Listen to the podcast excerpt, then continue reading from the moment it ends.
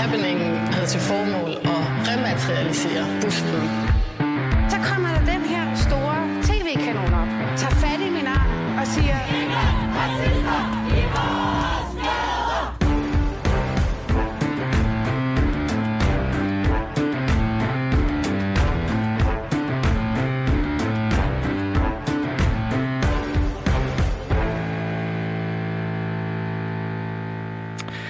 Ja, velkommen til Baby og Boomer. Mit navn er David Træs. Jeg står her i dag alene, fordi Phyllis jeg samme normale medvært her i Baby og Boomer, desværre er blevet corona-ramt. Derfor bliver det en lidt anderledes øh, udsendelse i dag. To timer, hvor vi jo stadigvæk taler om identitetspolitik, cancelkultur, wokeism og hvad ved jeg.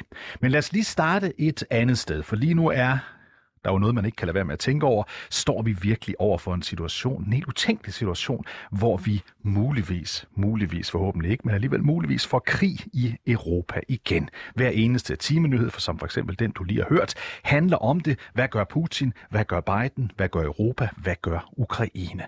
Alt det fik mig til, at få mig i de her dage til at vende tilbage til det tidspunkt, hvor jeg var øh, gymnasieelev eller en ung mand, nemlig 1980'erne. Og i 1980'erne, der var man altid bange for, at den store krig kom. Dengang var det selvfølgelig atomkrig, man frygtede mellem Sovjetunionen og øh, Vesten. Lad os lige prøve at høre en sang, øh, der altid gør, at jeg føler mig sat tilbage i tid.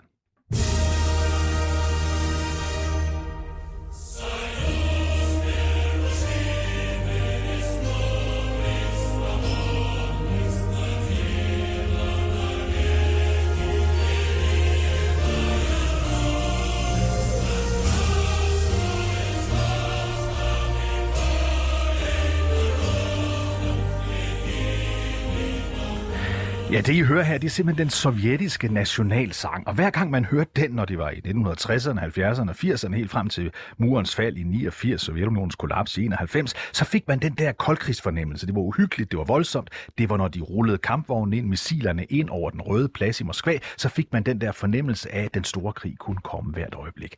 Det, der så sker, som alle husker, der har haft historie i hvert fald, eller som har min alder derfor husket, da det skete, det var, at vi får en vidunderlig afslutning på den kolde krig. 1989 november måned. Muren falder i Berlin. Året efter, der falder Varsava-pakten. Det var det, som øh, Sovjetblokken havde som deres svar på NATO i 1991. Da ryger hammersejl det sovjetiske flag for sidste gang ned over Kreml, og Sovjetunionen ophører med at eksistere. Den periode, det var sådan en, som alle, der bor i Vesten, tænker sig en vidunderlig frihedsperiode. Sig en periode, hvor alle vil være ligesom os, hvor demokrati, markedsøkonomi, menneskerettigheder, alt det der havde vundet. Nu ville verden blive bedre. Sådan troede vi.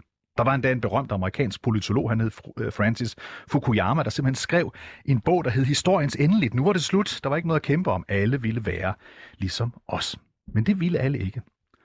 Nede i DDR, som den del af det forenede Tyskland, der var, øh, der var sovjetisk kontrolleret øh, kommunistisk, det hed dengang i DDR, nede i Dresden, nede i Dresden, der boede der en ung KGB-agent. Han havde været fem år i Dresden, hvor han havde været officielt oversætter mellem russisk og tysk. Og uofficielt havde han selvfølgelig været KGB-agent. Hans navn, det var Vladimir Putin.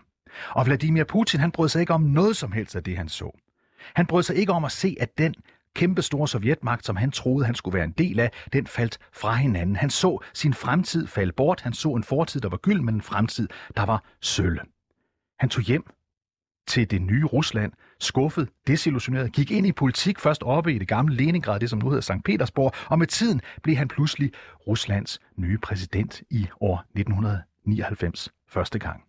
Og lige siden der har han on and off siddet på den vigtigste post i øh, øh, Moskva, øh, officielt har han nogle gange ikke haft den øverste post, men den næste øverste post, men i virkeligheden har han bestemt siden 1999 eller omkring år 2000. Hans ønsker har altid været at genskabe virkeligheden, som den var i sovjettiden, og det er det, vi skal huske på, når vi ser ham opføre sig i de her dage, som han gør. Det er, hans mål er at genskabe Sovjetunionen.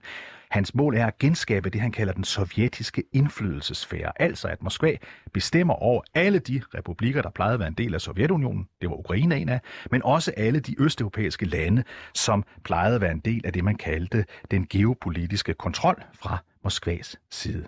Det er der, vi er. Putin ønsker et samfund, der minder om det, han voksede op i som ung KGB-agent. Det er derfor, det er så forbandet farligt. Men lad os lige slutte øh, den her lille seance af med en sang, også fra 80'erne, en koldkrigssang, øh, som, som, som, som mindede os om, da vi gik rundt og frygtede den store atomkrig, at russerne også er helt almindelige mennesker. Lad os høre Sting, Stings store hit fra 1985, øh, der simpelthen hedder Russians.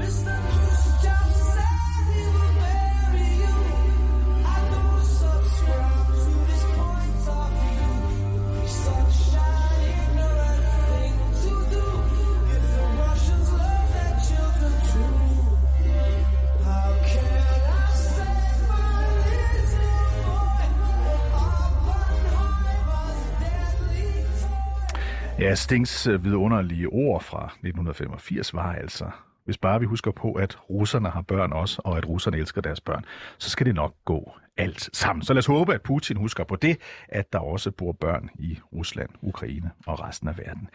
Vi får se, hvad der sker på den russiske front. Det vi skal videre til her er et helt, helt andet emne. For i resten af den her time i Baby og Boomer, der skal vi faktisk tale om fodbold. Og om fodbold som en del af, kan vi godt sige, den idé, identitetspolitiske debat. Med mig her i studiet, der har jeg dig, øh, Magnus øh, Kraft, øh, journalist ved Euroman. Velkommen til. Tusind tak. Hvis vi lige prøver at skrue tiden tilbage til, til den sidste søndag i januar måned. Mm. Vi er lige før, at det berømte transfer vindue, det lukker. Øh, og så dukker der en nyhed op øh, der øh, søndag morgen, som, øh, som ingen lige havde set øh, komme. Vi er altså sådan cirka et døgn før, man kan købe og sælge øh, spillere. Hvad er det, der sker? Jamen, jeg tror, at de fleste fodboldfans vågner der søndag morgen og løber igennem øh, nyhedsfeedet, som, så mange jo gør.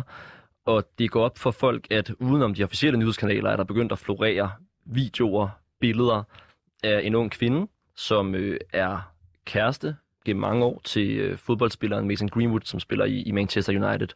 Øh, på de her videoer, der har hun blod løbende ned af torsoen. Hun har forslået blå mærker på øh, ben og arme og resten af kroppen. Og så er der et, øh, et lydklip, hvor man hører, at Mason Greenwood, som man kan høre det er, hvis man kender hans stemme, øh, tvinger sig til sex med mm. den her unge kvinde. Så det er det, der sker, og det betyder næsten med det samme, at vi ved, der er noget helt galt her. Det ser virkelig ud, som om ja. det her det er ikke sådan en diskus- diskussionssag. Det ser, det ser ikke godt ud. Nej. Og så sker der det ret hurtigt, at Manchester United-klubben de går ud og meddeler, at de er opmærksomme på ja. det her. Politiet er også opmærksom på det her. Prøv lige at sætte os ind, for du kender fodbold så godt, øh, Magnus. Hvad tænker Manchester United-klubben? Det er en af stjernerne. Det er sådan en potentiel engelsk landsholdsspiller. En fremtidig kæmpe stjerne måske. Det er en katastrofe så stor, at det er svært ligesom at formulere. Altså, det er de her spillere er jo millioninvesteringer på to ben, øh, og hvis man ser det fra et rent sådan kynisk økonomisk perspektiv, så er det formentlig, og det, det er jo, når vi har den her snak, så skal vi jo hele tiden have det forbehold. Mm. Han er ikke dømt for noget. Han er, øh, han er mistænkt i sagen og, øh, og skal få retten på et eller andet tidspunkt. Men han er sigtet ikke dømt af politiet, sigtet af politiet ja, præcis. i, i Manchester. Ja, så, øh, så, så, så med det forbehold, så tyder det jo på, at hans karriere nu er skyllet ud i toilettet, ja. øh, fordi han har gjort de her forfærdelige ting mod den her unge kvinde. Og normalt, øh, så vil vi jo sige enkeltstående episode. Øh, det var sørme uheldigt. Mason Greenwood er en skidt karl mm-hmm. og, og, og synd for hans øh, kæreste, og alt det der, vi kan være forarvet over ham, og den slags, hvis det var en enkeltstående episode. Mm. Men Magnus, så skriver du en artikel i, i Euroman, som man kan tilgå via, via jeres, jeres, jeres hjemmeside. Mm. Du, du skriver, nej, så simpelt og enkelt er det ikke. Det her det er faktisk en del af fodboldkulturen i blandt de her, og vi skal huske på Premier League, det er verdens dyreste liga, der spiller de fleste af de bedste spillere i verden, ikke ja. dem alle sammen, men rigtig mange. Hvad, hvorfor er det, at det her det er mere andet end en enkelt uh, ubehagelig voldtægtsepisode? Jeg tror, da jeg så den her sag øh, mm. udrulle sig der i løbet af søndagen, så tænkte jeg med det samme, åh oh, nej, ikke igen. Mm-hmm. Altså, fordi der har været, i løbet af de seneste par år, har der været lignende sager med store internationale fodboldstjerner, som øh, enten er blevet mistænkt, er blevet sigtet og i nogle tilfælde også blevet dømt Ja. øh, for sager af, af lignende karakter. Øh, og og man, man kan sige helt sådan statistisk, om der er et større problem i fodboldverdenen, end der er ude i samfundet generelt. Det ved man ikke, og jeg skal ikke gøre mig klog på det. Det kan godt være, der ikke er det, men uanset hvad, så har vi en situation, hvor jeg synes, man kan se nogle strukturelle problemer i fodboldverdenen i forhold til, hvordan man forsøger at undgå øh, de her sager, eller måske rettere ikke rigtig gør særlig meget for at undgå, at vi ser flere af de her sager i fremtiden. Ja, fordi øh, straks efter, at den her sag dukker op på de sociale medier, så dukker der også sådan et, et hashtag op, der hedder Prison FC, altså et, mm-hmm. et, det var fordi, det var på transferdagen sidste dag, hvor mange spillere kan komme på holdet, der hedder Prison FC, altså Fængsel FC. Øhm, og det skulle man jo tale om, fordi der på samme, tid, samme tidspunkt, som der er den her med Mason Greenwood, der har vi den islandske landsholdsspiller stjerne hos Everton, Gylfi uh, Sigurdsson, der sidder inden for an, anklaget for sex med mindreårige. Vi, Mm. har, vi har sagen om Benjamin Mendy fra, fra, hvor er det nu, han er fra? fra Manchester City. fra Manchester Ja. City, øh, der også sidder ene anklaget for, for, for, for, for voldtægter. Der er et par stykker mere. Så, så, så, så, så det er som om, at det her, det er ikke bare noget, der sker en enkelt gang i Premier League. Nej, og så tror jeg, nu øh, følger jeg især Manchester United tæt, øh, og jeg har kunne se nogle ting i den klub også, som handler om ikke bare de sager, hvor nogen måske bliver øh, anklaget eller stillet for ret, men også bare i forhold til, hvordan man håndterer sager øh, som den her. Jeg ved ikke, jeg synes, jeg synes sagen om Ole Gunnar Solskjaer for eksempel er interessant at tale om, og den kan vi måske udrulle Ja. ja. lidt senere, men, men den er interessant at tale om, fordi den netop ikke handler om nødvendigvis, om en eller anden øh, eks-fodboldspiller har gjort noget forkert, men om, hvordan man på strukturelt plan behandler øh, situationerne, når de så opstår. Og det vi skal huske på, vi vender lige tilbage til den sag om et øjeblik, Magnus, ja. Men det vi skal huske på her, skulle man have glemt det, det er, at de her fodboldstjerner tjener enorme summer af penge, og ofte kommer de fra en baggrund, hvor de har haft tjent 0 kroner, rent udsagt, altså kommer fra familier helt uden penge, og så er de pludselig kommet til enormt mange penge, og for klubben er de enormt meget værd. Du startede med at sige millioner. Her taler vi jo altså mange millioner ja. øh, investeringer. Så din, din, din, din holdning er lidt for Manchester United, øh, verdens måske mest kendte klub. Øh, er, er det her ikke et enkeltstående episode, og så siger du, kig på Ole Gunnar Solskjaer, altså træner i klubben indtil for ganske nylig, og mm. den pæne nordmand, der tidligere trænede Molde oppe i Norge. Øh, Hvad er det, der gør, at du siger, at denne pæne nordmand, denne evig glade mand, han på en eller anden måde også er en del af problemet? Ja, det er jo bare for at tage et eksempel, men, men, men i tilfældet med ham, så skal vi, og det er en lidt øh, lang historie, så mm-hmm. man skal lige spidse ører en gang, Ja. men tilbage i 2015 bliver den senegalesiske fodboldspiller øh, Babacar Sarr anklaget for en voldtægt. De forhindrer ikke Molde, som du nævnte før, i at hente ham i 2016. Molde øh, er på det her tidspunkt trænet af Ole Gunnar Solskjaer, og øh, agenten, som får Sarr til øh, klubben, han hedder Jim Solbakken. Han er en nær ven og øh, gudfar til Solskjaers øh, søn øh, og sådan ting. Så de har en meget, meget nær relation. Øh, mens øh, Babacar øh, Sarr, han spiller i Molde, bliver han anklaget for yderligere fire voldtægter. Mm. Det forhindrer ikke Molde i at starte ham på banen. Det forhindrer ikke Solskjaer i ved flere lejligheder at gøre ham til anfører for klubben. Han bliver ros for sine sportslige meritter i øh, medierne. Da der en sjældent gang er en norsk journalist, der spørger ham, "Hvad med de her sager, er det ikke noget, I skal forholde jer til? Så siger han noget øh, sådan forbistret. Øh, nu synes jeg, vi skal fokusere på fodbolden, tale om øh, den kamp, der venter, øh, og vi har valgt i den her sag at stole på spilleren. Mm-hmm. Når man siger det, så siger man jo implicit også, vi har valgt ikke at stole på de fem, det ender som jeg være i alt seks kvinder, som har stillet sig frem og anklaget øh, spilleren for de her ting. Øh, og for lige at runde sagen af, Mm-hmm. så sker der det, at han skal jo for retten øh, på grund af de her anklager. Han nægter at indlevere en, at indlevere en, en faderskabstest, fordi en af kvinderne har, har påstået, at han har født, eller hun har født øh, hans barn Mm-hmm. efter den her voldtægt. Øhm, og, men inden han skal for retten, så får Molde ophævet kontrakten med ham. Det er noget, som en aftale Team Solbakken får øh, faciliteret, og så sender de ham til en lille klub i Rusland. Mm-hmm. Det er interessant, fordi Rusland har ikke nogen udleveringsaftale med Norge. Så da retssagen skal finde sted i 2019, dukker han ikke op, og Norge kan ikke gøre ret meget ved det. Øh, han er den dag i dag stadig ikke blevet, øh, blevet retsforfulgt grund af de Så, så, så der er mange lag i det her. Der er Ja. kvinder, der er blevet voldtaget, eller i hvert fald har sagt, de er blevet voldtaget. Sagerne kom jo ikke til, til afslutning i retsvæsenet. Der er spilleren selv, der så pludselig forsvinder til, til et land, hvor han kan slippe for at blive, for at blive retsforfulgt. Ja. Og så er der Ole Gunnar Solskjaer og den norske klub. Og du skal jo lige huske på, at Molde er jo ikke verdens største klub. Nej. Det er heller ikke verdens mindste, men det er jo ikke, det er ikke Manchester United størrelse, vi taler om her. Men ikke desto mindre, så er der en kultur i det, som, så, som altså betyder, at klubben beskytter ham, men Ole Gunnar Solskjaer beskytter ham jo også. Ja, det siger noget om, hvilken, netop hvilken kultur man har omkring sager af den her karakter.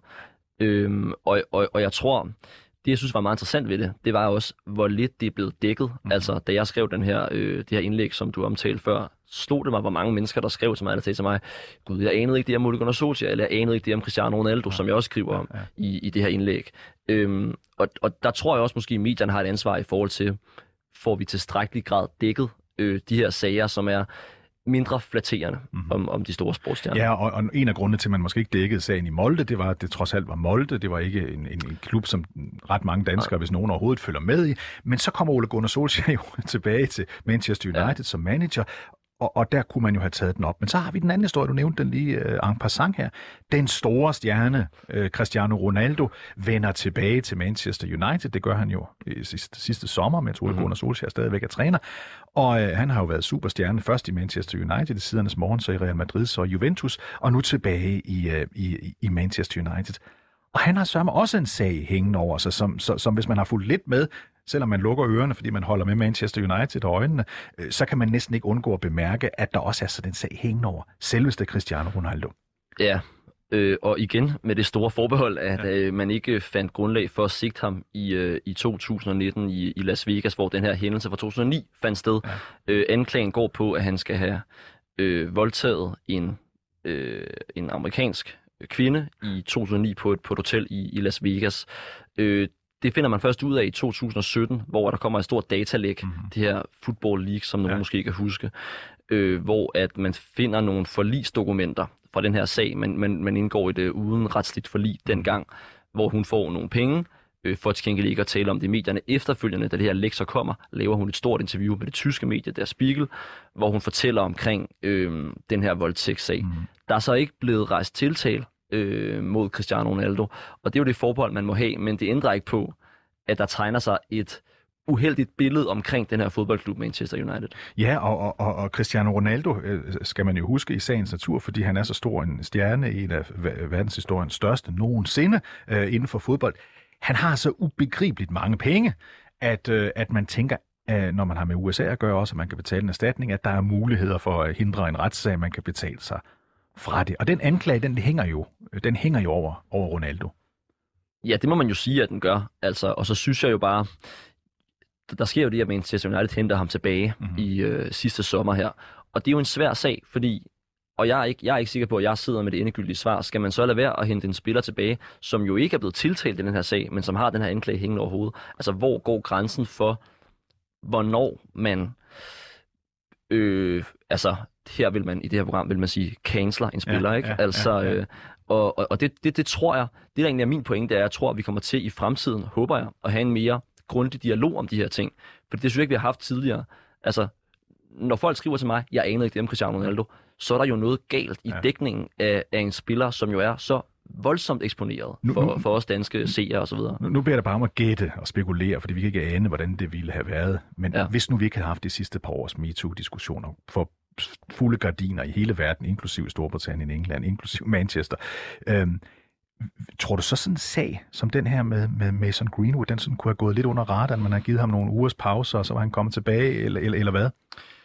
Jeg tror, det har, jeg tror helt klart, det har rykket noget, og det er ikke engang helt et gæt, fordi uh, Catherine Mayorga, som er navnet på kvinden, som anklagede Cristiano Ronaldo for mm. voldtægt, hun fortalte, at en af grundene til, at hun stillede sig frem i deres spiegel og fortalte om den her sag, mm.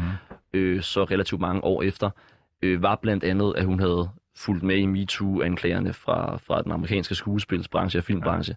Ja. Øh, så, så jeg tror, så jeg tror, at de der ting rykker noget, det er jeg ret overbevist om.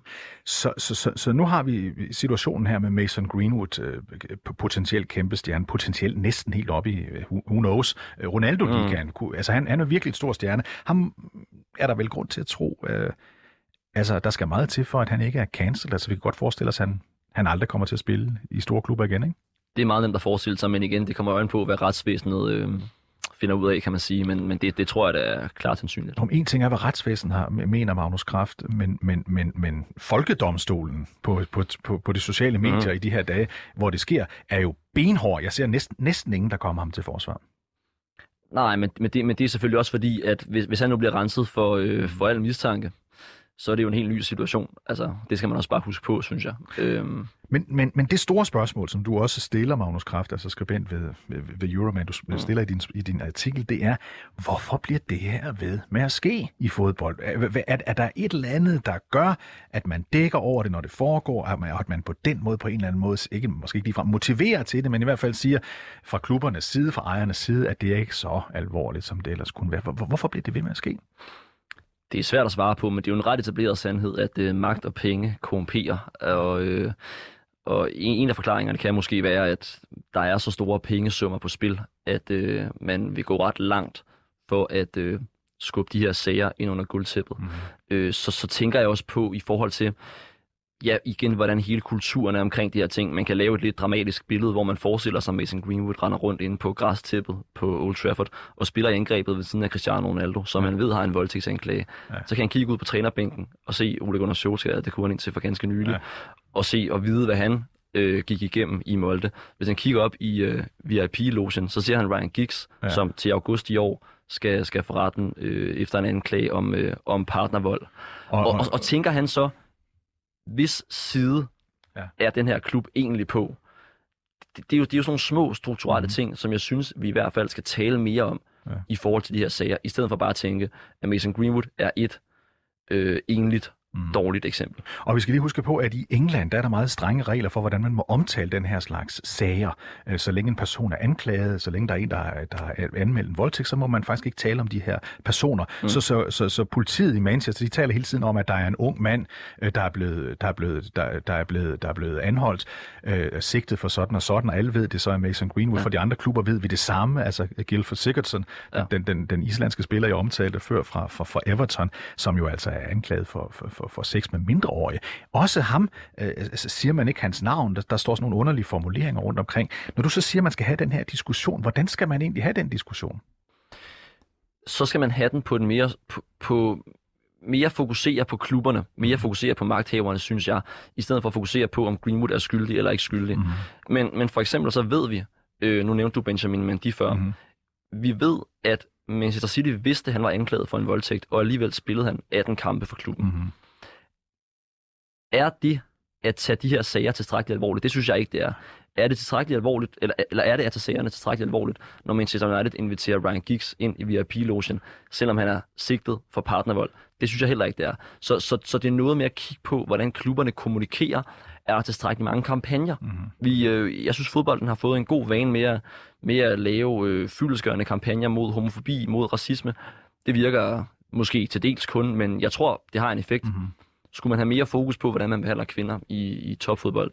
Det kunne godt være et tema, for eksempel. Hvad med, hvad hedder han, øh, Ryan Giggs, skal vi lige øh, skyde ind her, at Ryan Giggs tidligere stjernespiller for, for altså superstjernespiller ja. for Manchester United, og så blev han jo så øh, træner for Wales' landshold, og er, altså, i vande er han, jeg ved ikke, om han stadigvæk er suspenderet eller reelt fyret fra dem. Han er i hvert fald ikke træner for dem længere, fordi han sidder der. Han, han, der var faktisk en, en gensidig opsigelse lidt Ja. af parte også, men, øh, men han er ikke træner længere. Og, og vi kan roligt sige, at Ryan Giggs' seneste sag ikke er den eneste sag, han har haft, så der har vi en lang række af, ja. af, af, af sager med, ja. Ja. med ham. Lad os lige tage en, en, en anden historie, som, som sådan lidt pludselig kommer midt i det hele også. Det er så ikke hustruvold eller partnervold eller voldtægtsforsøg, men det er så øh, West Ham-stjernen, øh, Kurt Zuma, tror jeg, ja. Hedder, som, øh, som, som, som bliver filmet af sin bror af alle, hjemme i sit hjem, hvor han sparker til sin kat, lidt ligesom om, at katten er en bold, altså som om han laver sådan en målspark. Ja. En, en forfærdelig situation, som også kommer ud på, øh, på, på, på, på medierne. Ikke? Øhm, altså, hvad er det for en sag?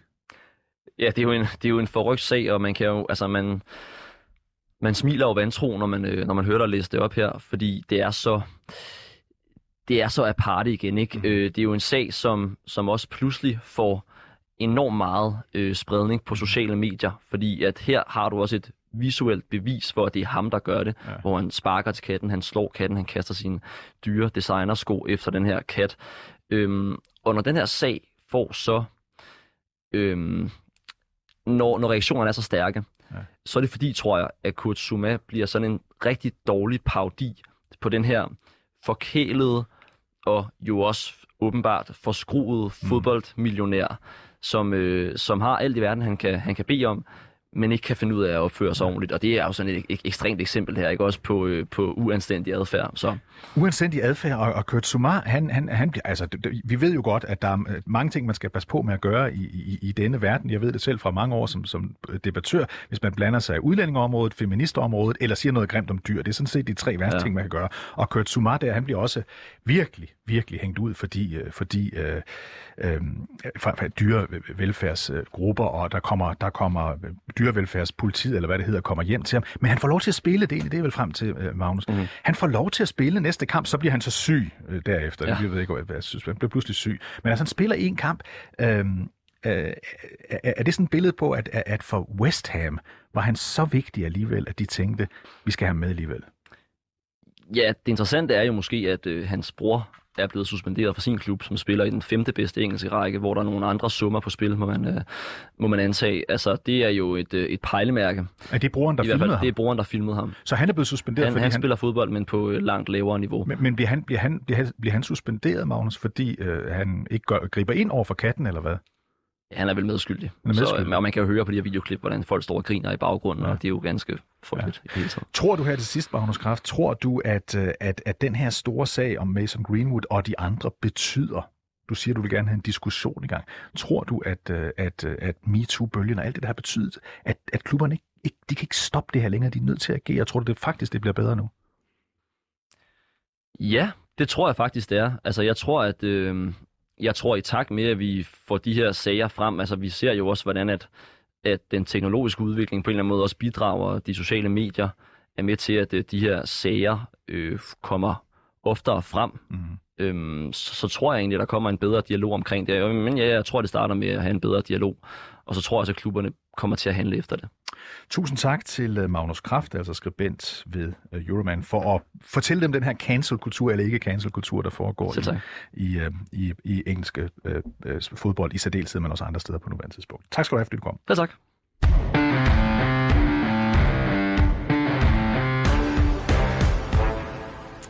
Ja, vi øh, fortsætter i, øh, i fodboldsporet, og det gør vi, øh, fordi øh, vi også har haft en anden stor fodboldturnering på øh, det seneste, øh, som er øh, måske den fodboldturnering, store fodboldturnering, der fylder mindst øh, i vores del af verden, men som ikke desto mindre er meget vigtig, nemlig African Nations Cup. Også den skal vi forsøge at sætte ind i sådan en sammenhæng, der har lidt med vores identitetspolitiske dagsorden at gøre.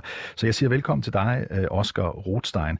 Du er både idehistoriker og journalist, for eksempel Danwatch, så følger du fodbold tæt, og du var nede i Cameroon øh, yes. øh, til den her turnering. Velkommen til. Mange tak. Prøv lige at fortælle, Oscar, øh, sådan bare lige helt indledningsvis. Vi kender EM i fodbold. Mm. vi kender verdensmesterskaberne i fodbold. Vi, nogle af os kender også de latinamerikanske øh, mesterskaber som store ting. Øh, Afrikas Nations Cup, den ligger sådan i bunden af den, af, af hvad skal man sige, prestigeskalaen, ikke? Jo, det gør den. Den ligger trods alt højere end for eksempel sådan som Asian Cup, altså ja. de asiatiske mesterskaber. Um, det er en turnering med en vis sportslig anseelse, men det har altid været lidt af sådan en bastard i fodboldkalenderen, på mm. grund af i høj grad, hvornår den er placeret. Ja. Fordi den ligger der midt i sæsonen. Det har været til stor frustration for både klubber og spillere også, mm. og, og rigtig mange fans af de europæiske klubber. Derfor så har den sådan lidt et, et dårligt ry. Ja, fordi når der er europamesterskaber i fodbold, eller når der er kvalifikationskampe til øh, europamesterskaberne eller til verdensmesterskaberne, så ved vi jo herhjemmefra, hvis vi følger fodbold tæt, at så er der så pause i de store nationale turneringer. Enten når hele turneringen holdes, eller når de her kvalifikationskampe, de, de spiller, man kalder det landsholdspausen. Sådan noget har man venligt indrettet for at passe øh, de europæiske klubber, som er storklubberne i hele verden, men langt hen ad vejen mm. også for, for, for Latinamerika. Så, så hvorfor er det, prøv lige at forklare det nærmere, mm. Oscar, hvorfor er det, at man ikke har taget samme hensyn til, mm. til Afrika? Jamen, det er i høj grad øh, det afrikanske fodboldforbund, CAFs eget valg. Altså, den her turneringsafholdelse i januar er en rigtig stor del af den afrikanske fodboldidentitet. Det er på en måde lidt en, øh, en afholdelse på trods, mm. og en måde at øh, virkelig sådan konsolidere slutrunden som noget særpræget afrikansk. Det kan mm. godt være, at de europæiske ligaer er i fuld gang. Det kan godt være, at resten af verden kigger på La Liga og Premier League i de her uger, men vi spiller vores egen fodbold i Afrika. På den måde er den her januaroverholdelse med til at gøre de afrikanske mesterskaber for afrikanske. Mm-hmm. Øh, der har de seneste år været øh, forsøg både udefra, især udefra, men også internt i afrikansk fodbold, øh, forsøg på at, at, at lægge turneringen i stedet for i sommermånederne. Og Ja. da der blev spillet de afrikanske mesterskaber i 2019 i Ægypten, der var, der var jeg afsted i, mm. i, øh, i juni-juli måned, Ja. lidt ligesom øh, et europamesterskab. Øh, og nu er det så blevet rykket tilbage til, til januar, og øhm, det kan så ændre sig igen. Det er ikke, der er mange ting i, i afrikansk fodbold, som ikke altid øh, følger et, et snorligt system, men, men skifter lidt på må og få.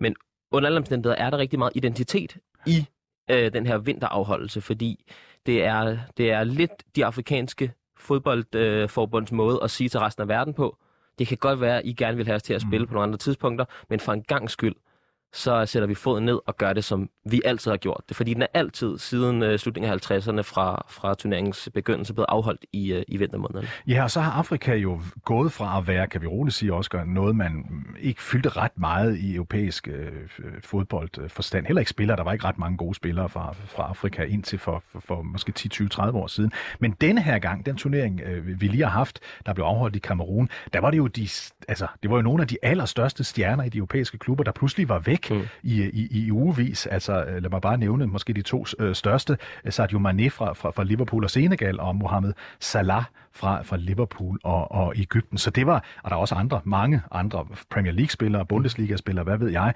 øh, der skal afsted på det her tidspunkt, La Liga-spillere. Så det betød pludselig mm. noget. Hvor meget betyder det for, for, for Afrika som kontinent, mm. afrikansk fodbold, at, at det er sådan nogle spillere, mm. vi har med at gøre? Øh, jamen, det betyder selvfølgelig en del, og det er jo noget af det, der giver dem noget ammunition i forhold til ligesom, at, at på en eller anden måde stå ved afrikansk fodbold, som, som det nu engang er, også noget, som har en, en sportslig kvalitet. Mm-hmm. Øhm, og øh, og det, det, det vil altid være et trum for de afrikanske fodboldturneringer øh, og det afrikanske fodboldforbund, at de kan bryste sig af de her store spillere. Men betydningen sådan, altså socialt og kulturelt og politisk ville sådan set være lige så stor, hvis de bedste spillere spillede på et lidt lavere niveau. Altså der er noget lidt mere grundlæggende på spil, der gør, at de afrikanske mesterskaber altid for Afrika vil være vigtige. Mm-hmm. Øh, og der skal man forstå altså både turneringen, men især det afrikanske fodboldforbunds rødder. Mm-hmm. Det afrikanske fodboldforbund, CAF, er stiftet i slutningen af 50'erne i, i takt med, at øh, kontinentet lige så stille begyndte at vriste sig fri af kolonimagterne. Mm-hmm. Det var tænkt øh, helt eksplicit som en panafrikansk institution, lidt på linje med det, der i dag er den afrikanske union, øh, altså kontinentets øh, samleorganisation, og, øh, og sprang ud af en tanke, især da Ghana i, øh, i 58 bliver medlem af forbundet med deres øh, første postkoloniale præsident, Kwame Nkrumah, sprang ud af en idé om, at det ikke var nok for det postkoloniale Afrika med en masse øh, nationale selvstændighedsbevægelser. Der var brug for en, en tværkontinental, mm. tværkontinentalt samarbejde, så de afrikanske lande i fællesskab stod op for kontinentets selvstændighed og kæmpede mod de europæiske kolonimagter. Altså man havde en forestilling om, at Zimbabwes afhængighed øh, var afhængig af Malawis, mm. eller slutter, Zimbabwes selvstændighed ja. var afhængig af Malawis selvstændighed, der var afhængig af Kongos selvstændighed. Og den afrikanske, det afrikanske fodboldforbund, og dermed også de afrikanske mesterskaber, mm. som er ligesom kronturneringen, blev og er lige siden blevet tænkt ind i den sammenhæng. Så det har betydet noget for, for afrikansk selvstændighedsgørelse og for de enkelte nationers øh, selvstændighedsgørelse. Sådan en, en, en, en fodboldturnering, som nu har været African Nations Cup, øh, Oscar, du var nede til den, foregår i Kamerun. Hvor stor er den i Afrika i forhold til, hvor stor europamesterskaberne er i Europa for eksempel? Um, den er meget, meget stor. Øh, og lige så stor, vil jeg sige, men den er stor på en anden måde. Altså, det er to vidt forskellige fodboldkulturer. Når man har kunne se kampe fra de afrikanske mesterskaber, så har der været meget få tilskuere mm-hmm. på stadion til mange af kampene. Kameruns øh, hjemmekampe var, var, var fint besat, selvom der faktisk også var nogle skuffende tilskuertal mm-hmm. til dem. Men andre kampe, Ghana, Marokko i gruppespillet, som jo ellers er, er to store fodboldnationer, trak øh, altså pænt under 1000 tilskuere. Mm-hmm. Og så fristes man jo til at sige, jamen så betyder det jo ikke så meget. Og så, simpelthen en fiasko, vil man sige. Det er en sige. fiasko. Ja. Øh, og det er, det er en fejlslutning, øh, fordi øh, det handler om en masse lidt mere lavpraktiske ting, om at sådan noget som øh, de, de tværkontinentale flyruter er ekstremt dårlige, så der er ikke den der kultur øh, og, og økonomiske mulighed for at rejse med landsholdene rundt, som, som vi havde rig mulighed for i sommer med de europæiske mesterskaber. Øh, det handler om billetpriser.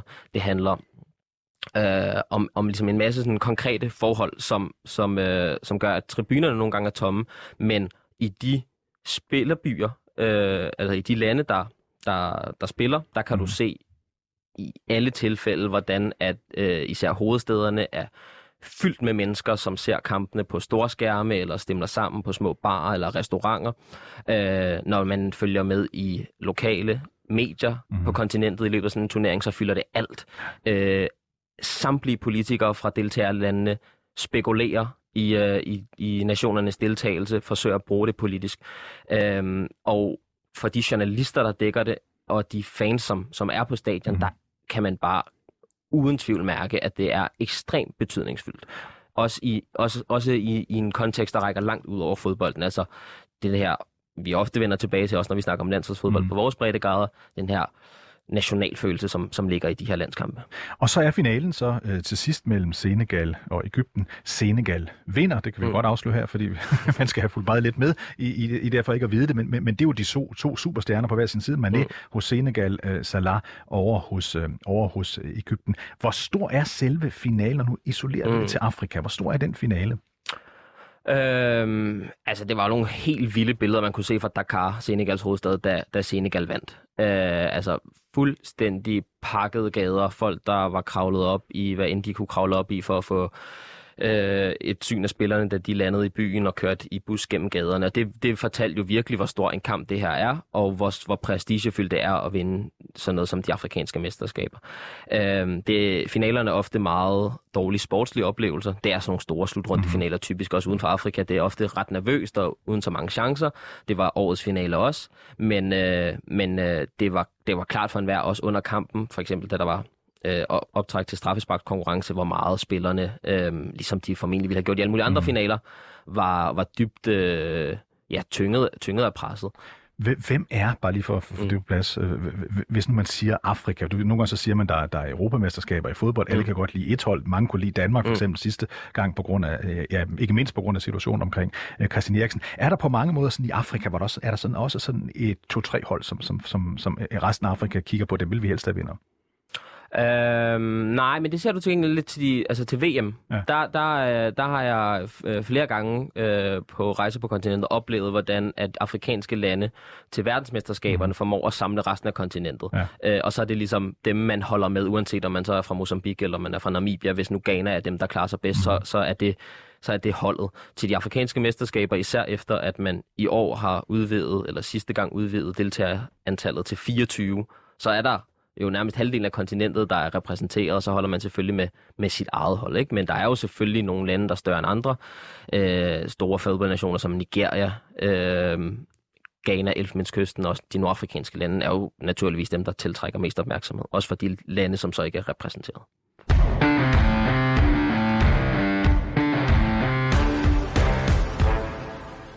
Ja, du lytter til uh, Baby og Boomer her på uh, øh, 24-7. Mit navn er David Træs. Phyllis Jassar, som jo normalt er medvært her, er her ikke i dag, fordi hun er coronaramt. Og vi taler fodbold, og lige nu taler vi fodbold på det afrikanske kontinent. Det gør vi med uh, dig, Oscar Rothstein, idehistoriker og journalister, som netop dækkede og var til stede ved uh, de African Nations Cup, der blev afholdt i Cameroon her for, for, for ganske nylig. Lad os lige prøve at spole ind på, hvordan afrikanerne... Uh, ja, lad os lige starte et andet sted i virkeligheden. Den her finale mellem Senegal og Ægypten, kæmpe begivenhed i, i Afrika. Øhm, hvordan blev den dækket sådan i, i al, mm. al almindelighed i Europa? Altså, hvor, hvor, hvor, hvor tæt dækker øh, europæiske medier øh, den finale? Øhm, altså, kampen isoleret set bliver sådan set dækket rimelig tæt, vil jeg sige. Øh, og i år var der også... Øh, en del øh, tv-stationer, både herhjemme og, og, og på resten af kontinentet, der har købt rettigheder til mm. det, og, og, og med sådan noget så følger mere dækning. De store europæiske aviser øh, skriver om kampen, ligesom de vil skrive om kampen til et sydamerikansk mesterskab, mm. vil jeg mene. Mm. Eller et, et, et øh, europæisk selvfølgelig. Ikke? Øh, det er lidt anderledes, hvis vi ser på turneringen som helhed. Mm. Øh, altså så, øh, så er der især øh, i ugerne op til øh, meget lavt fokus på slutrunden sammenlignet med, hvad vi ellers ville være vant til, når de her spillere er i aktion.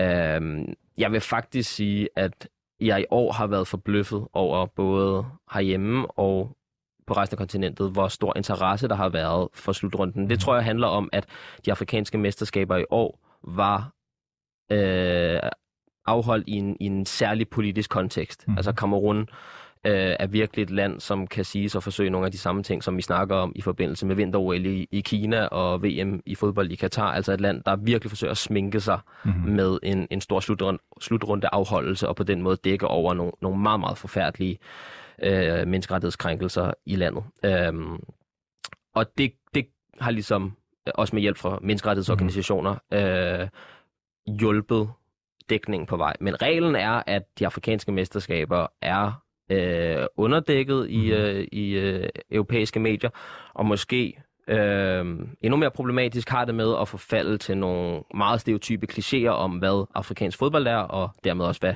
kontinentet i sin helhed er. Og klichéen, hvad er det? Uorganiseret, øh, øh, hvad, hvad er klichéen om afrikansk øh, fodbold? Jamen, der er, der er en del. Altså, der er både dem, der handler om det, der foregår ude for banen, altså øh, organisatorisk kaos, mm-hmm. øh, og så at, om det, der foregår inde på banen, som typisk handler om, at øh, hvis man skal skære det helt ud i pap, at afrikanske spillere kan løbe, mm-hmm. og de mhm. kan takle, og de kan skyde, men de kan ikke tænke. Ja. Og at, det er klichéen. Det er ja. klichéen, ja. ja. Uh, altså, at den taktiske forståelse og det taktiske mm. raffinement er væsentligt lavere, end det er på det europæiske kontinent. Og at du har de her øh, spillere, som hvad skal man sige, på en eller anden måde har et råmateriale, som de afrikanske fodboldforbund ikke formår at, mm. og, øh, at forædle til noget, der er så godt, som det sådan set burde være. Ja. Og det, den kliché kender vi også fra, fra, The Guardian har på et tidspunkt lavet, den britiske avis The Guardian har på et tidspunkt lavet en, en undersøgelse, der viste, hvordan fodboldkommentatorer omtalte ja. uh, henholdsvis uh, sorte og hvide spillere i en, i en fodboldkamp, også i England, og der vil det typisk bemærkning være, at det er et, et fysisk pragteksemplar, så er det en sort spiller, en tænkende spiller er en, en hvid spiller. Så, så, så, så, så det kender vi godt, men, men, men, men, men, men det er jo også sådan, at de fleste spillere på de afrikanske hold er sorte eller mørke. Er trænerne også sorte eller mørke? Altså, tendensen har jo i mange år været, at øh, som et direkte resultat af den her kliché, mm. som man virkelig skal forstå, ikke kun eksisterer i Europa, men som i høj grad er internaliseret i, afrikansk, mm. i, i afrikanske fodboldkultur selv. Ja. Øh, altså, der er i de afrikanske lande en meget stor forståelse af, har traditionelt været, at for at vi kan forløse det potentiale, som vi, øh, vi har i vores spillere, så har vi behov for en europæisk træner. Ja. Øh, og det har været meget udtalt op gennem, øh, op gennem årene, at, øh, at stort set alle afrikanske øh, fodboldnationer med respekt for sig selv har haft en hvid træner. Mm-hmm. Øh, der er ved at ske noget. Det er ikke et mesterskaberne i Kamerun var ikke et regulært brud med den her mm. tendens, men der er alligevel noget, der, der, der, der vidner om, at der er større og større tillid til lokale trænere. Du kan også se, øh, vindernationen Senegal havde Aliou Cissé, som mm. er tidligere senegalesisk landsholdsspiller, og, og senegaleser selvfølgelig, øh, på, på trænerbænken. Øh, et land som Burkina Faso, der, der havde en god slutrunde, øh, var også trænet af en, af en lokal træner. Sådan er der efterhånden en del eksempler, men det er stadig en dominerende forestilling i de afrikanske fodboldforbund, at hvis vi især skal præstere til et VM, mm. Måske kan det lige gå an til et African Nations Cup, men hvis vi skal præstere til et VM og konkurrere mod verdenseliten, mm. så skal vi ud og have fat i en europæisk træner. Men, men Oscar, vi kan jo remse endeløse navne op, som til daglig spiller i de allerfineste mm. klubber i uh, Europa, og mm. det er i virkelighedens verden de fineste klubber i, i hele verden, mm. dybest set med nogle få undtagelser fra Latinamerika. Ikke sandt? Altså, og ikke mindst nævner vi Mané og Salah her, her fra, fra, fra Liverpool. Det er jo to øh, spillere, og mange af de andre også, som er vant til at spille i, i meget indviklede taktiske systemer. Så hvorfor bærer det ved, at man forestiller sig, at når disse to spillere forlader Liverpool og, og Jürgen mm. Klopp, øh, Liverpools tyske træner, øh, så falder de sammen og kan ikke tænke sig om. Hvorfor bliver den ved med at være der, den, den kliché? Jamen det tror jeg handler om, at den simpelthen har så dybe historiske rødder, og sådan set ikke handler om fodbold, men handler om nogle, nogle altså af kolonialismen producerede stereotyper, som angår det afrikanske kontinent i det hele taget, og som ligesom også kan spores i alle mulige andre dele af samfundet. Det her er ligesom bare en fodboldversion af, af, af noget, som vi, vi, øh, vi kender som en mere generel problematik. Fordi det er jo helt rigtigt. Altså, der er jo noget øh, dybt paradoxalt i den her mm. forestilling om, at, øh, eller noget dybt ulogisk, den her forestilling om, at så snart de, de trækker landsholdstrøjen over hovedet, så kan de lige pludselig ikke det, de kunne sidste uge, da de spillede på deres klubhold. Og de moderne afrikanske landshold består af spillere, i hvert fald de bedste af dem, består af spillere, som hvis ikke øh, er, er, er en del af den afrikanske diaspora, og derfor er simpelthen er født og opvokset i for eksempel Frankrig eller Italien, så i hvert fald har fået deres fodboldopdragelse i de lande, fordi tendensen de seneste mange år har været, at de europæiske klubber øh, henter spillere fra Afrika, fra forskellige akademier, nogle af dem endda europæisk ejet, i en meget, meget tidlig alder, så at de måske kommer til Europa som 12, 13, 14, 15-årige, og derfor er i fodboldforstand opdraget, som man nu engang opdrager dem øh, i dag. Og, og, og, og Oscar, det kan vi også se i, øh, i dansk fodbold. Øh, FC Midtjylland, de seneste års øh, øh, mestre, har masser af afrikanske spillere. FC København, som lige nu efter denne weekend ligger nummer et, øh, sat for eksempel to afrikanske spillere, øh, debutanter ind øh, i, i går, så, så det er sådan en, en udvikling, vi ser meget. Hvis vi nu kigger på det her, igen prøv at se, du for et øjeblik siden sad nede i Afrika og kiggede på det her, øh, prøv lige at sætte øh, lidt, lidt ord på det der med, hvordan det må være at være de afrikanske fodboldforbund og høre, at Premier League klubberne, som er dem, der leverer rigtig mange spillere ned til, til Africans Nations øh, Cup, øh, hvordan de jo sådan set prøver på at sige, i, I burde ikke tage sted. Mm. For det er jo i virkeligheden det, vi kan høre, at, de, ja. at managerne i Premier League spiller i klubberne siger, at det er virkelig nødvendigt at tage derhen. Mm. Det vil de aldrig komme godt afsted med, hvis de siger, at I behøver ikke at tage hjem til Europamesterskaberne og til verdensmesterskaberne. Men, men her er det som om, man kan mærke, de prøver. Hvordan, hvordan er det mm. i Afrika at høre det? Er det, koloni, er det tænker de, det er ligesom i kolonitiden? Det er der mange, der gør, ja. ja. Der er mange, der øh, og, og, og har gentaget det her ved de europæiske eller de afrikanske mesterskaber i Kamerun, øh, har anklaget øh, de europæiske klubber, også øh, FIFA, det internationale mm. fodboldforbund, fordi de på mange måder støttede øh, de europæiske klubbers forsøg på at få udskudt eller helt aflyst turneringen, har anklaget det, det, ligesom den internationale fodboldverden for en form for neokolonialisme. Mm. Øh, I hvert fald en form for fodboldkolonialisme. Det er øh, en, en udbredt holdning i de afrikanske fodboldmiljøer, både på politisk niveau, i de forskellige forbund, og også øh, blandt nogle spillere, som var ude at sige netop det der, øh, som, som du lige sagde. Mm. Det, det, de europæiske klubber forsøger nu, det ville de aldrig nogensinde drømme om at forsøge, hvis jeg nu spillet for, lad os sige det, ungarske landshold og skulle ja. til EM. Altså der er på en eller anden måde noget øh, med Afrika, som gør, at man kan tillade sig nogle andre ting. Og i den grad også blandt journalisterne er der en frustration over, hvordan øh, de europæiske klubber øh, og den internationale fodboldpolitiske elite betragter, til synligheden betragter Afrika som sådan et anden rangskontinent. Øh, og det, øh, det bringer øh, ufravilligt sådan nogle øh, anklager om, øh, om øh, neokolonialisme i spil. Det hører man ofte.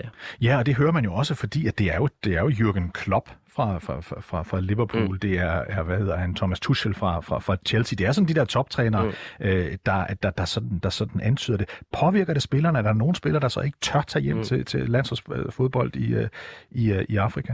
Ja, altså, det er der eksempler på. Øh, Joel Matip Liverpool-forsvarsspiller, som øh, er tyskfødt, men med rødder i Kamerun, har spillet på det kamerunske mm. landshold i mange år. Han var ikke med her, og han har faktisk ikke været med på det kamerunske landshold siden øh, der var de afrika- afrikanske mesterskaber i Gabon i 2017. Mm.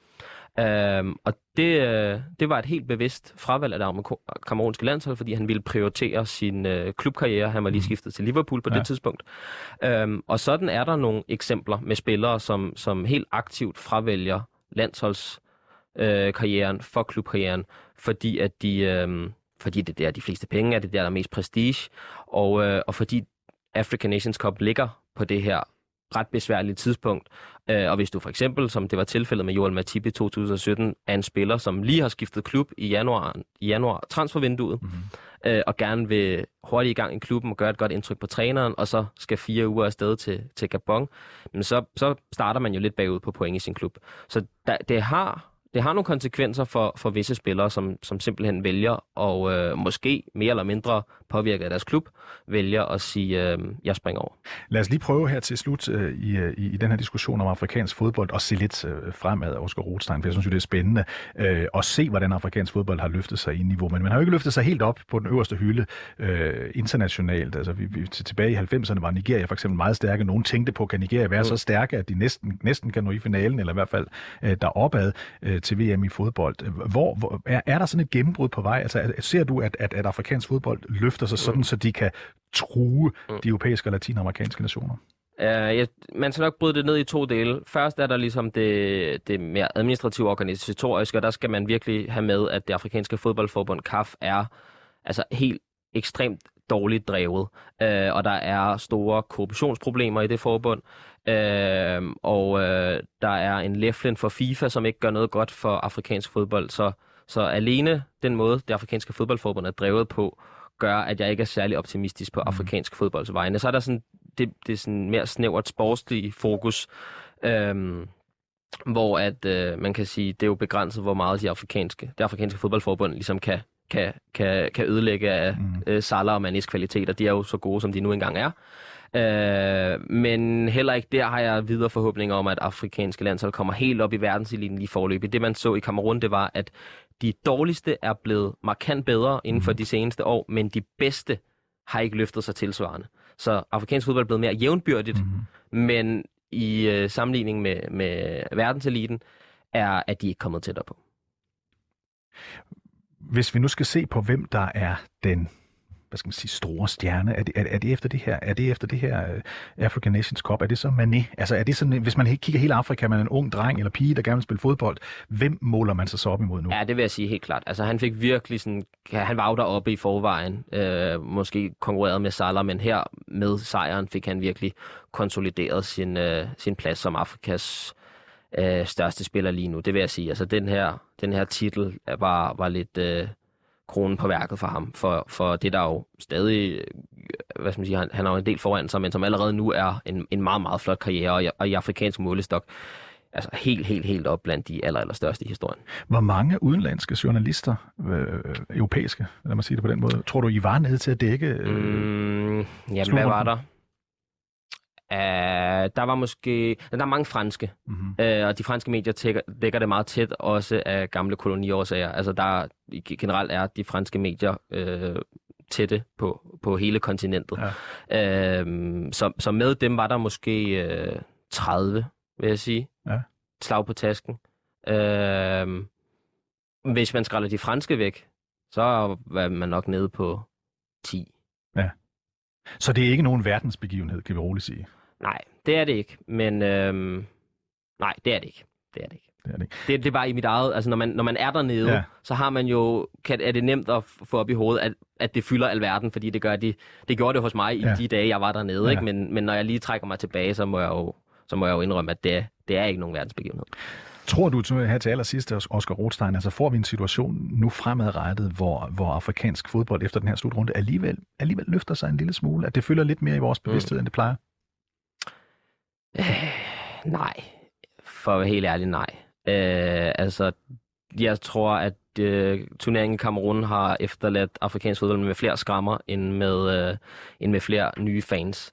Øh, fodbolden på banen var ikke øh, vanvittigt ophidsende, øh, især ikke i sammenligning med den klubfodbold, folk har kunne se øh, simultant, mm-hmm. og de kunne sappe frem og tilbage, så har, så, har, øh, så har det ikke været særlig godt, og så har afviklingen af turneringen også været skandaløs på mange måder med den her øh, stadiontragedie i, øh, i Yaoundé, hvor otte mennesker blev trampet ihjel, hvilket øh, af mange retfærdigvis er blevet fremhævet som et eksempel på, hvordan både Kamerun, men også det afrikanske fodboldforbund, øh, øh, har en række mangler.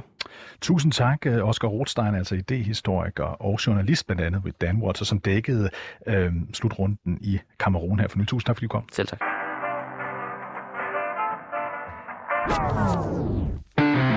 Happeningen havde til formål at rematerialisere busten. Så kommer der den her store tv-kanon op, tager fat i min arm og siger...